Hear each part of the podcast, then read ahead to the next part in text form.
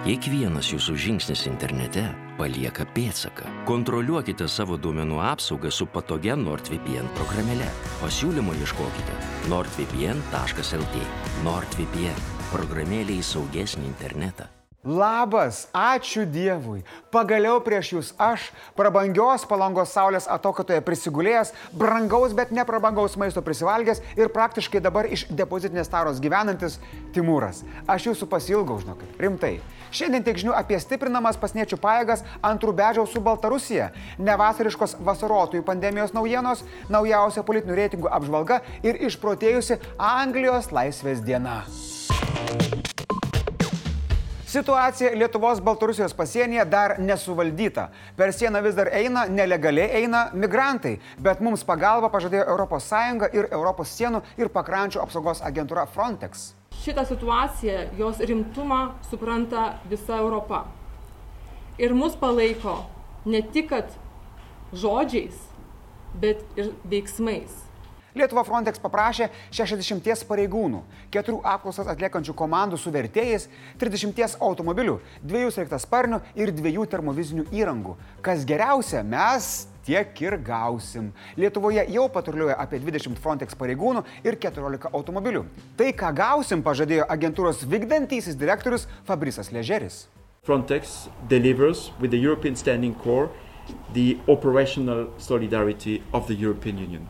Didelis džinkuje barzo keliauja draugams Lenkams, kurie pirmieji pasiūlė pagalbą. Danams ir Slovenams dėkojame už koncertiną. Tai ne kažkoks koncertas pasienio pareigūnams, tai susukta spigliuota viela, kuri greitai mus pasieks. Šiuo metu jis statoma 300 m per dieną tempu, be to. Planuojame organizuoti pirkimus ir montuoti na, tą jau tikrą tvorą su koncertina ant viršaus Tuo tarpu užsienio reikalų ministras Gabrielius Landsbergis kasdien Facebook'e gauna dešimtis žinučių nuo palapinių miestelėje gyvenančių nelegalų.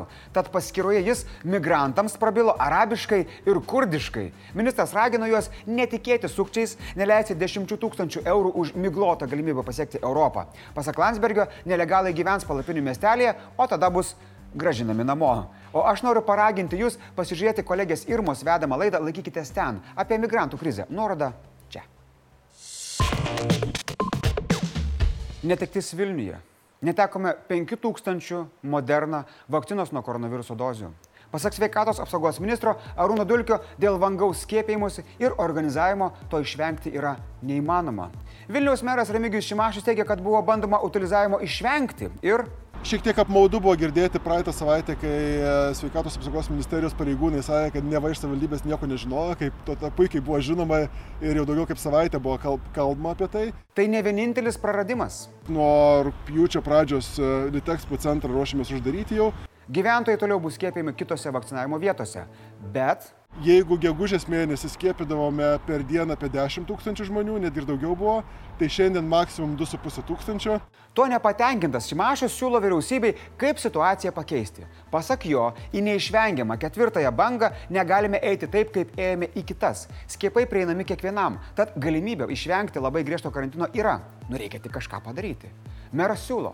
Pirma, tai nustoti subsidijuoti neatsakingumą tai yra atsisakyti nemokamo testavimo keliaujantiems galimybės. Šimašaus teigimu, jei toks neatsakingas finansavimas nebūtų vykdomas, didžioji dalis tų žmonių būtų pasiskiepiję, nukeliauti, ginorisi. Dar Šimašius vyriausybės prašo aiškumo dėl rudens, kurių sektorių darbuotojai turės skiepytis ir testuotis. Už kieno pinigus.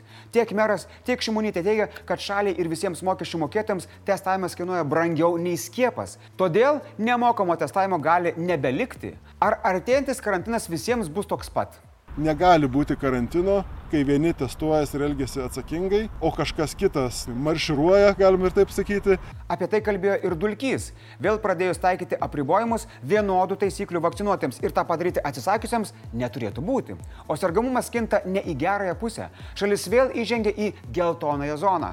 Didžiausia nerima kelia Klaipėda. Joje sergamumas 100 tūkstančių gyventojų per dvi savaitės trigubai lenkia Lietuvos skaičius. Klaipėdiečiai dar ir skiepijasi praščiausiai iš didžiųjų miestų. O žinot, kas dar laukia Klaipėdos šiemet? Ogi jūros šventė! Ir šiemet bus didelių koncertų, mūgių, įvairiausių renginių. Nors didžioji dalis visko vyks laukia, epidemiologams šventė labai gadina nakties miegą.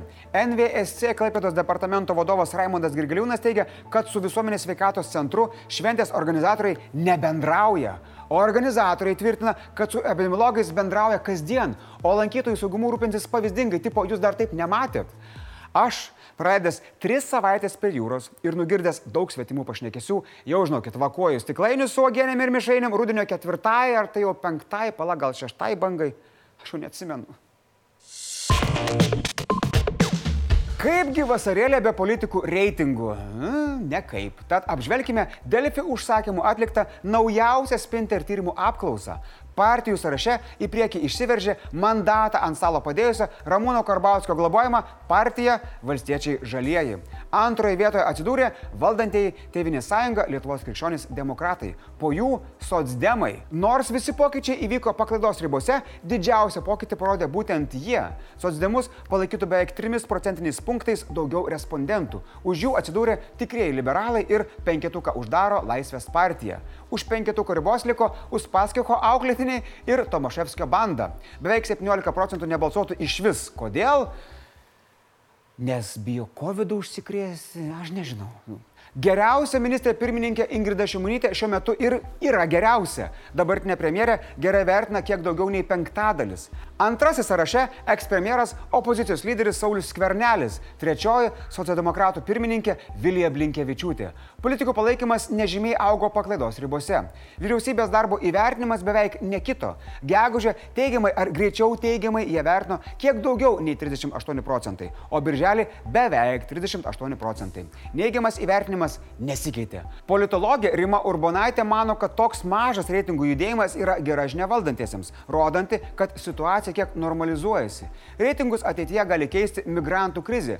Pasak politologės, valstiečių žaliųjų atsidūrimas pirmoje reitingų pozicijoje tai yra tik formalus apsikeitimas vietomis su konservatoriais. Štai socdemo šuolis aukštyn gali prilyginti juos prie pirmaujančių rezultatų. O politologas Lauras Belinis sako, kad didžiausia problema yra ne tai, kuri partija kokią vietą užima, o kad jos visiškai nesusikalba tarpusavyje. Tai reiškia, kad jos negali formuoti lemiančios jėgos ir turi laukti paramos iš kitų partijų. Todėl Tevinės sąjunga turi persvarą, nes dirba kartu su liberalais ir Laisvės partija. Na, apžvelgus reitingą ir įvertinus ekspertų komentarus, jau aiškiau, kur dėti kablelį sakinyje draugauti negalima kariauti. Parašykite komentaruose, kur dedat jūs kablelį. Aš jau žinau.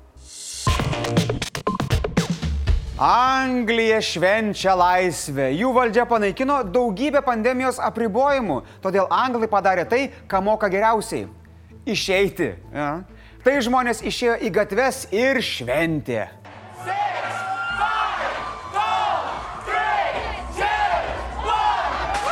Žiniasklaida Liepos 19 pavadino Laisvės diena.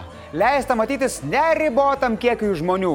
Teisiškai kaukių dėvėjimas tapo rekomendacija. Panaikintas vieno metro atstumas. Leista grįžti ir dirbti į ofisus. Nu, pilnu paėgumu atsidarė kino teatrai, senoviniai tie teatrai ir net naktiniai klubai. Anglijos sprendimas vertinamas kontroversiškai. Jis priimtas koronaviruso susirgymams pasiekus net 50 tūkstančių atvejų per dieną. Premjerui Borisui Johnsonui beliko tik raginti skiepytis. please, please, please, uh, that second jab, get your jab, please come forward and do it. Na, ponia Borisai, tai skamba taip pat rimtai kaip mamos perspėjimas prieš vakarėlį. Tik jūs ten neprisigerkit, neprisibalivuokit vaikai. Tai gerai, mama. Šalis ir šiuo klausimu susiskaldžiusi. Vieni nori ramiai gyventi ir nenori naujos viruso bangos, o kiti nori neramiai gyventi ir nori šokti. Ekonomikos atsigavimo siekiantis Borisas mano, kad būtent dabar, o ne šaltojų metų laiku, yra geriausias laikas baigti karantiną. Tačiau profesorius Nilas Fergusonas perspėjo, kad Britanija su tokiais žaidimais artėja prie 100 tūkstančių atvejų per parą. Jei futbolas vis tik būtų parėjęs namo, aš galvoju, ar šito keisto anglų valdžios sprendimo būtume išvengę? Aš statau, kad galbūt taip išsišvestų ir back to business. Kur čia, paimkite kas nors.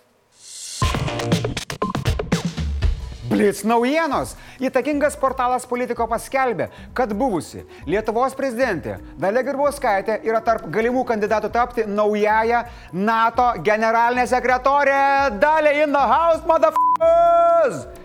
Ji pakeistų Norvegą Jansę Stoltenbergą, kuris šias pareigas eina nuo 2014 m. spalio. Tarp kandidatų minimos ir Estijos vadovė Kersti Kaljulaid ir buvusi Kroatijos vadovė Kolinda Graber Kitarovič.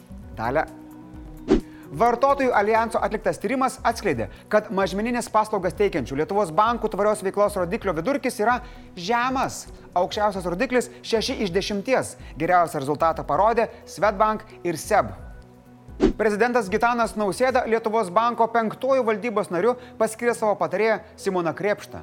Prezidento vyriausiąją patarėją bei ekonominės ir socialinės politikos grupės vadove skiriama Irena Segalovičinė. Čia, man atrodo, bus Steveno Sigalo giminaitė. Čia. Per didžiausius dabartinės Vokietijos gyventojų kartos atsiminamus potvinius žuvo 165 žmonės. Skaičius padidėjo gelbėjimo tarnyboms tikrinant sugriautus miestelius ir ieškant dingusiųjų. Daug žuvusiųjų surasta užlietose rūsiuose, kitas aukas nusinešė vandens rautai.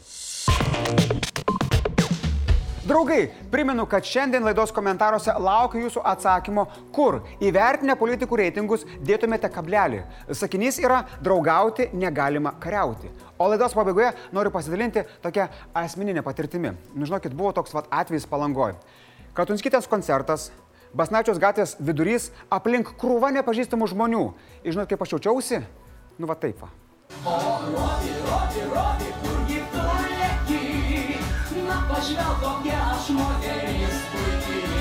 Šiandien tiek žinių, iki rytojaus.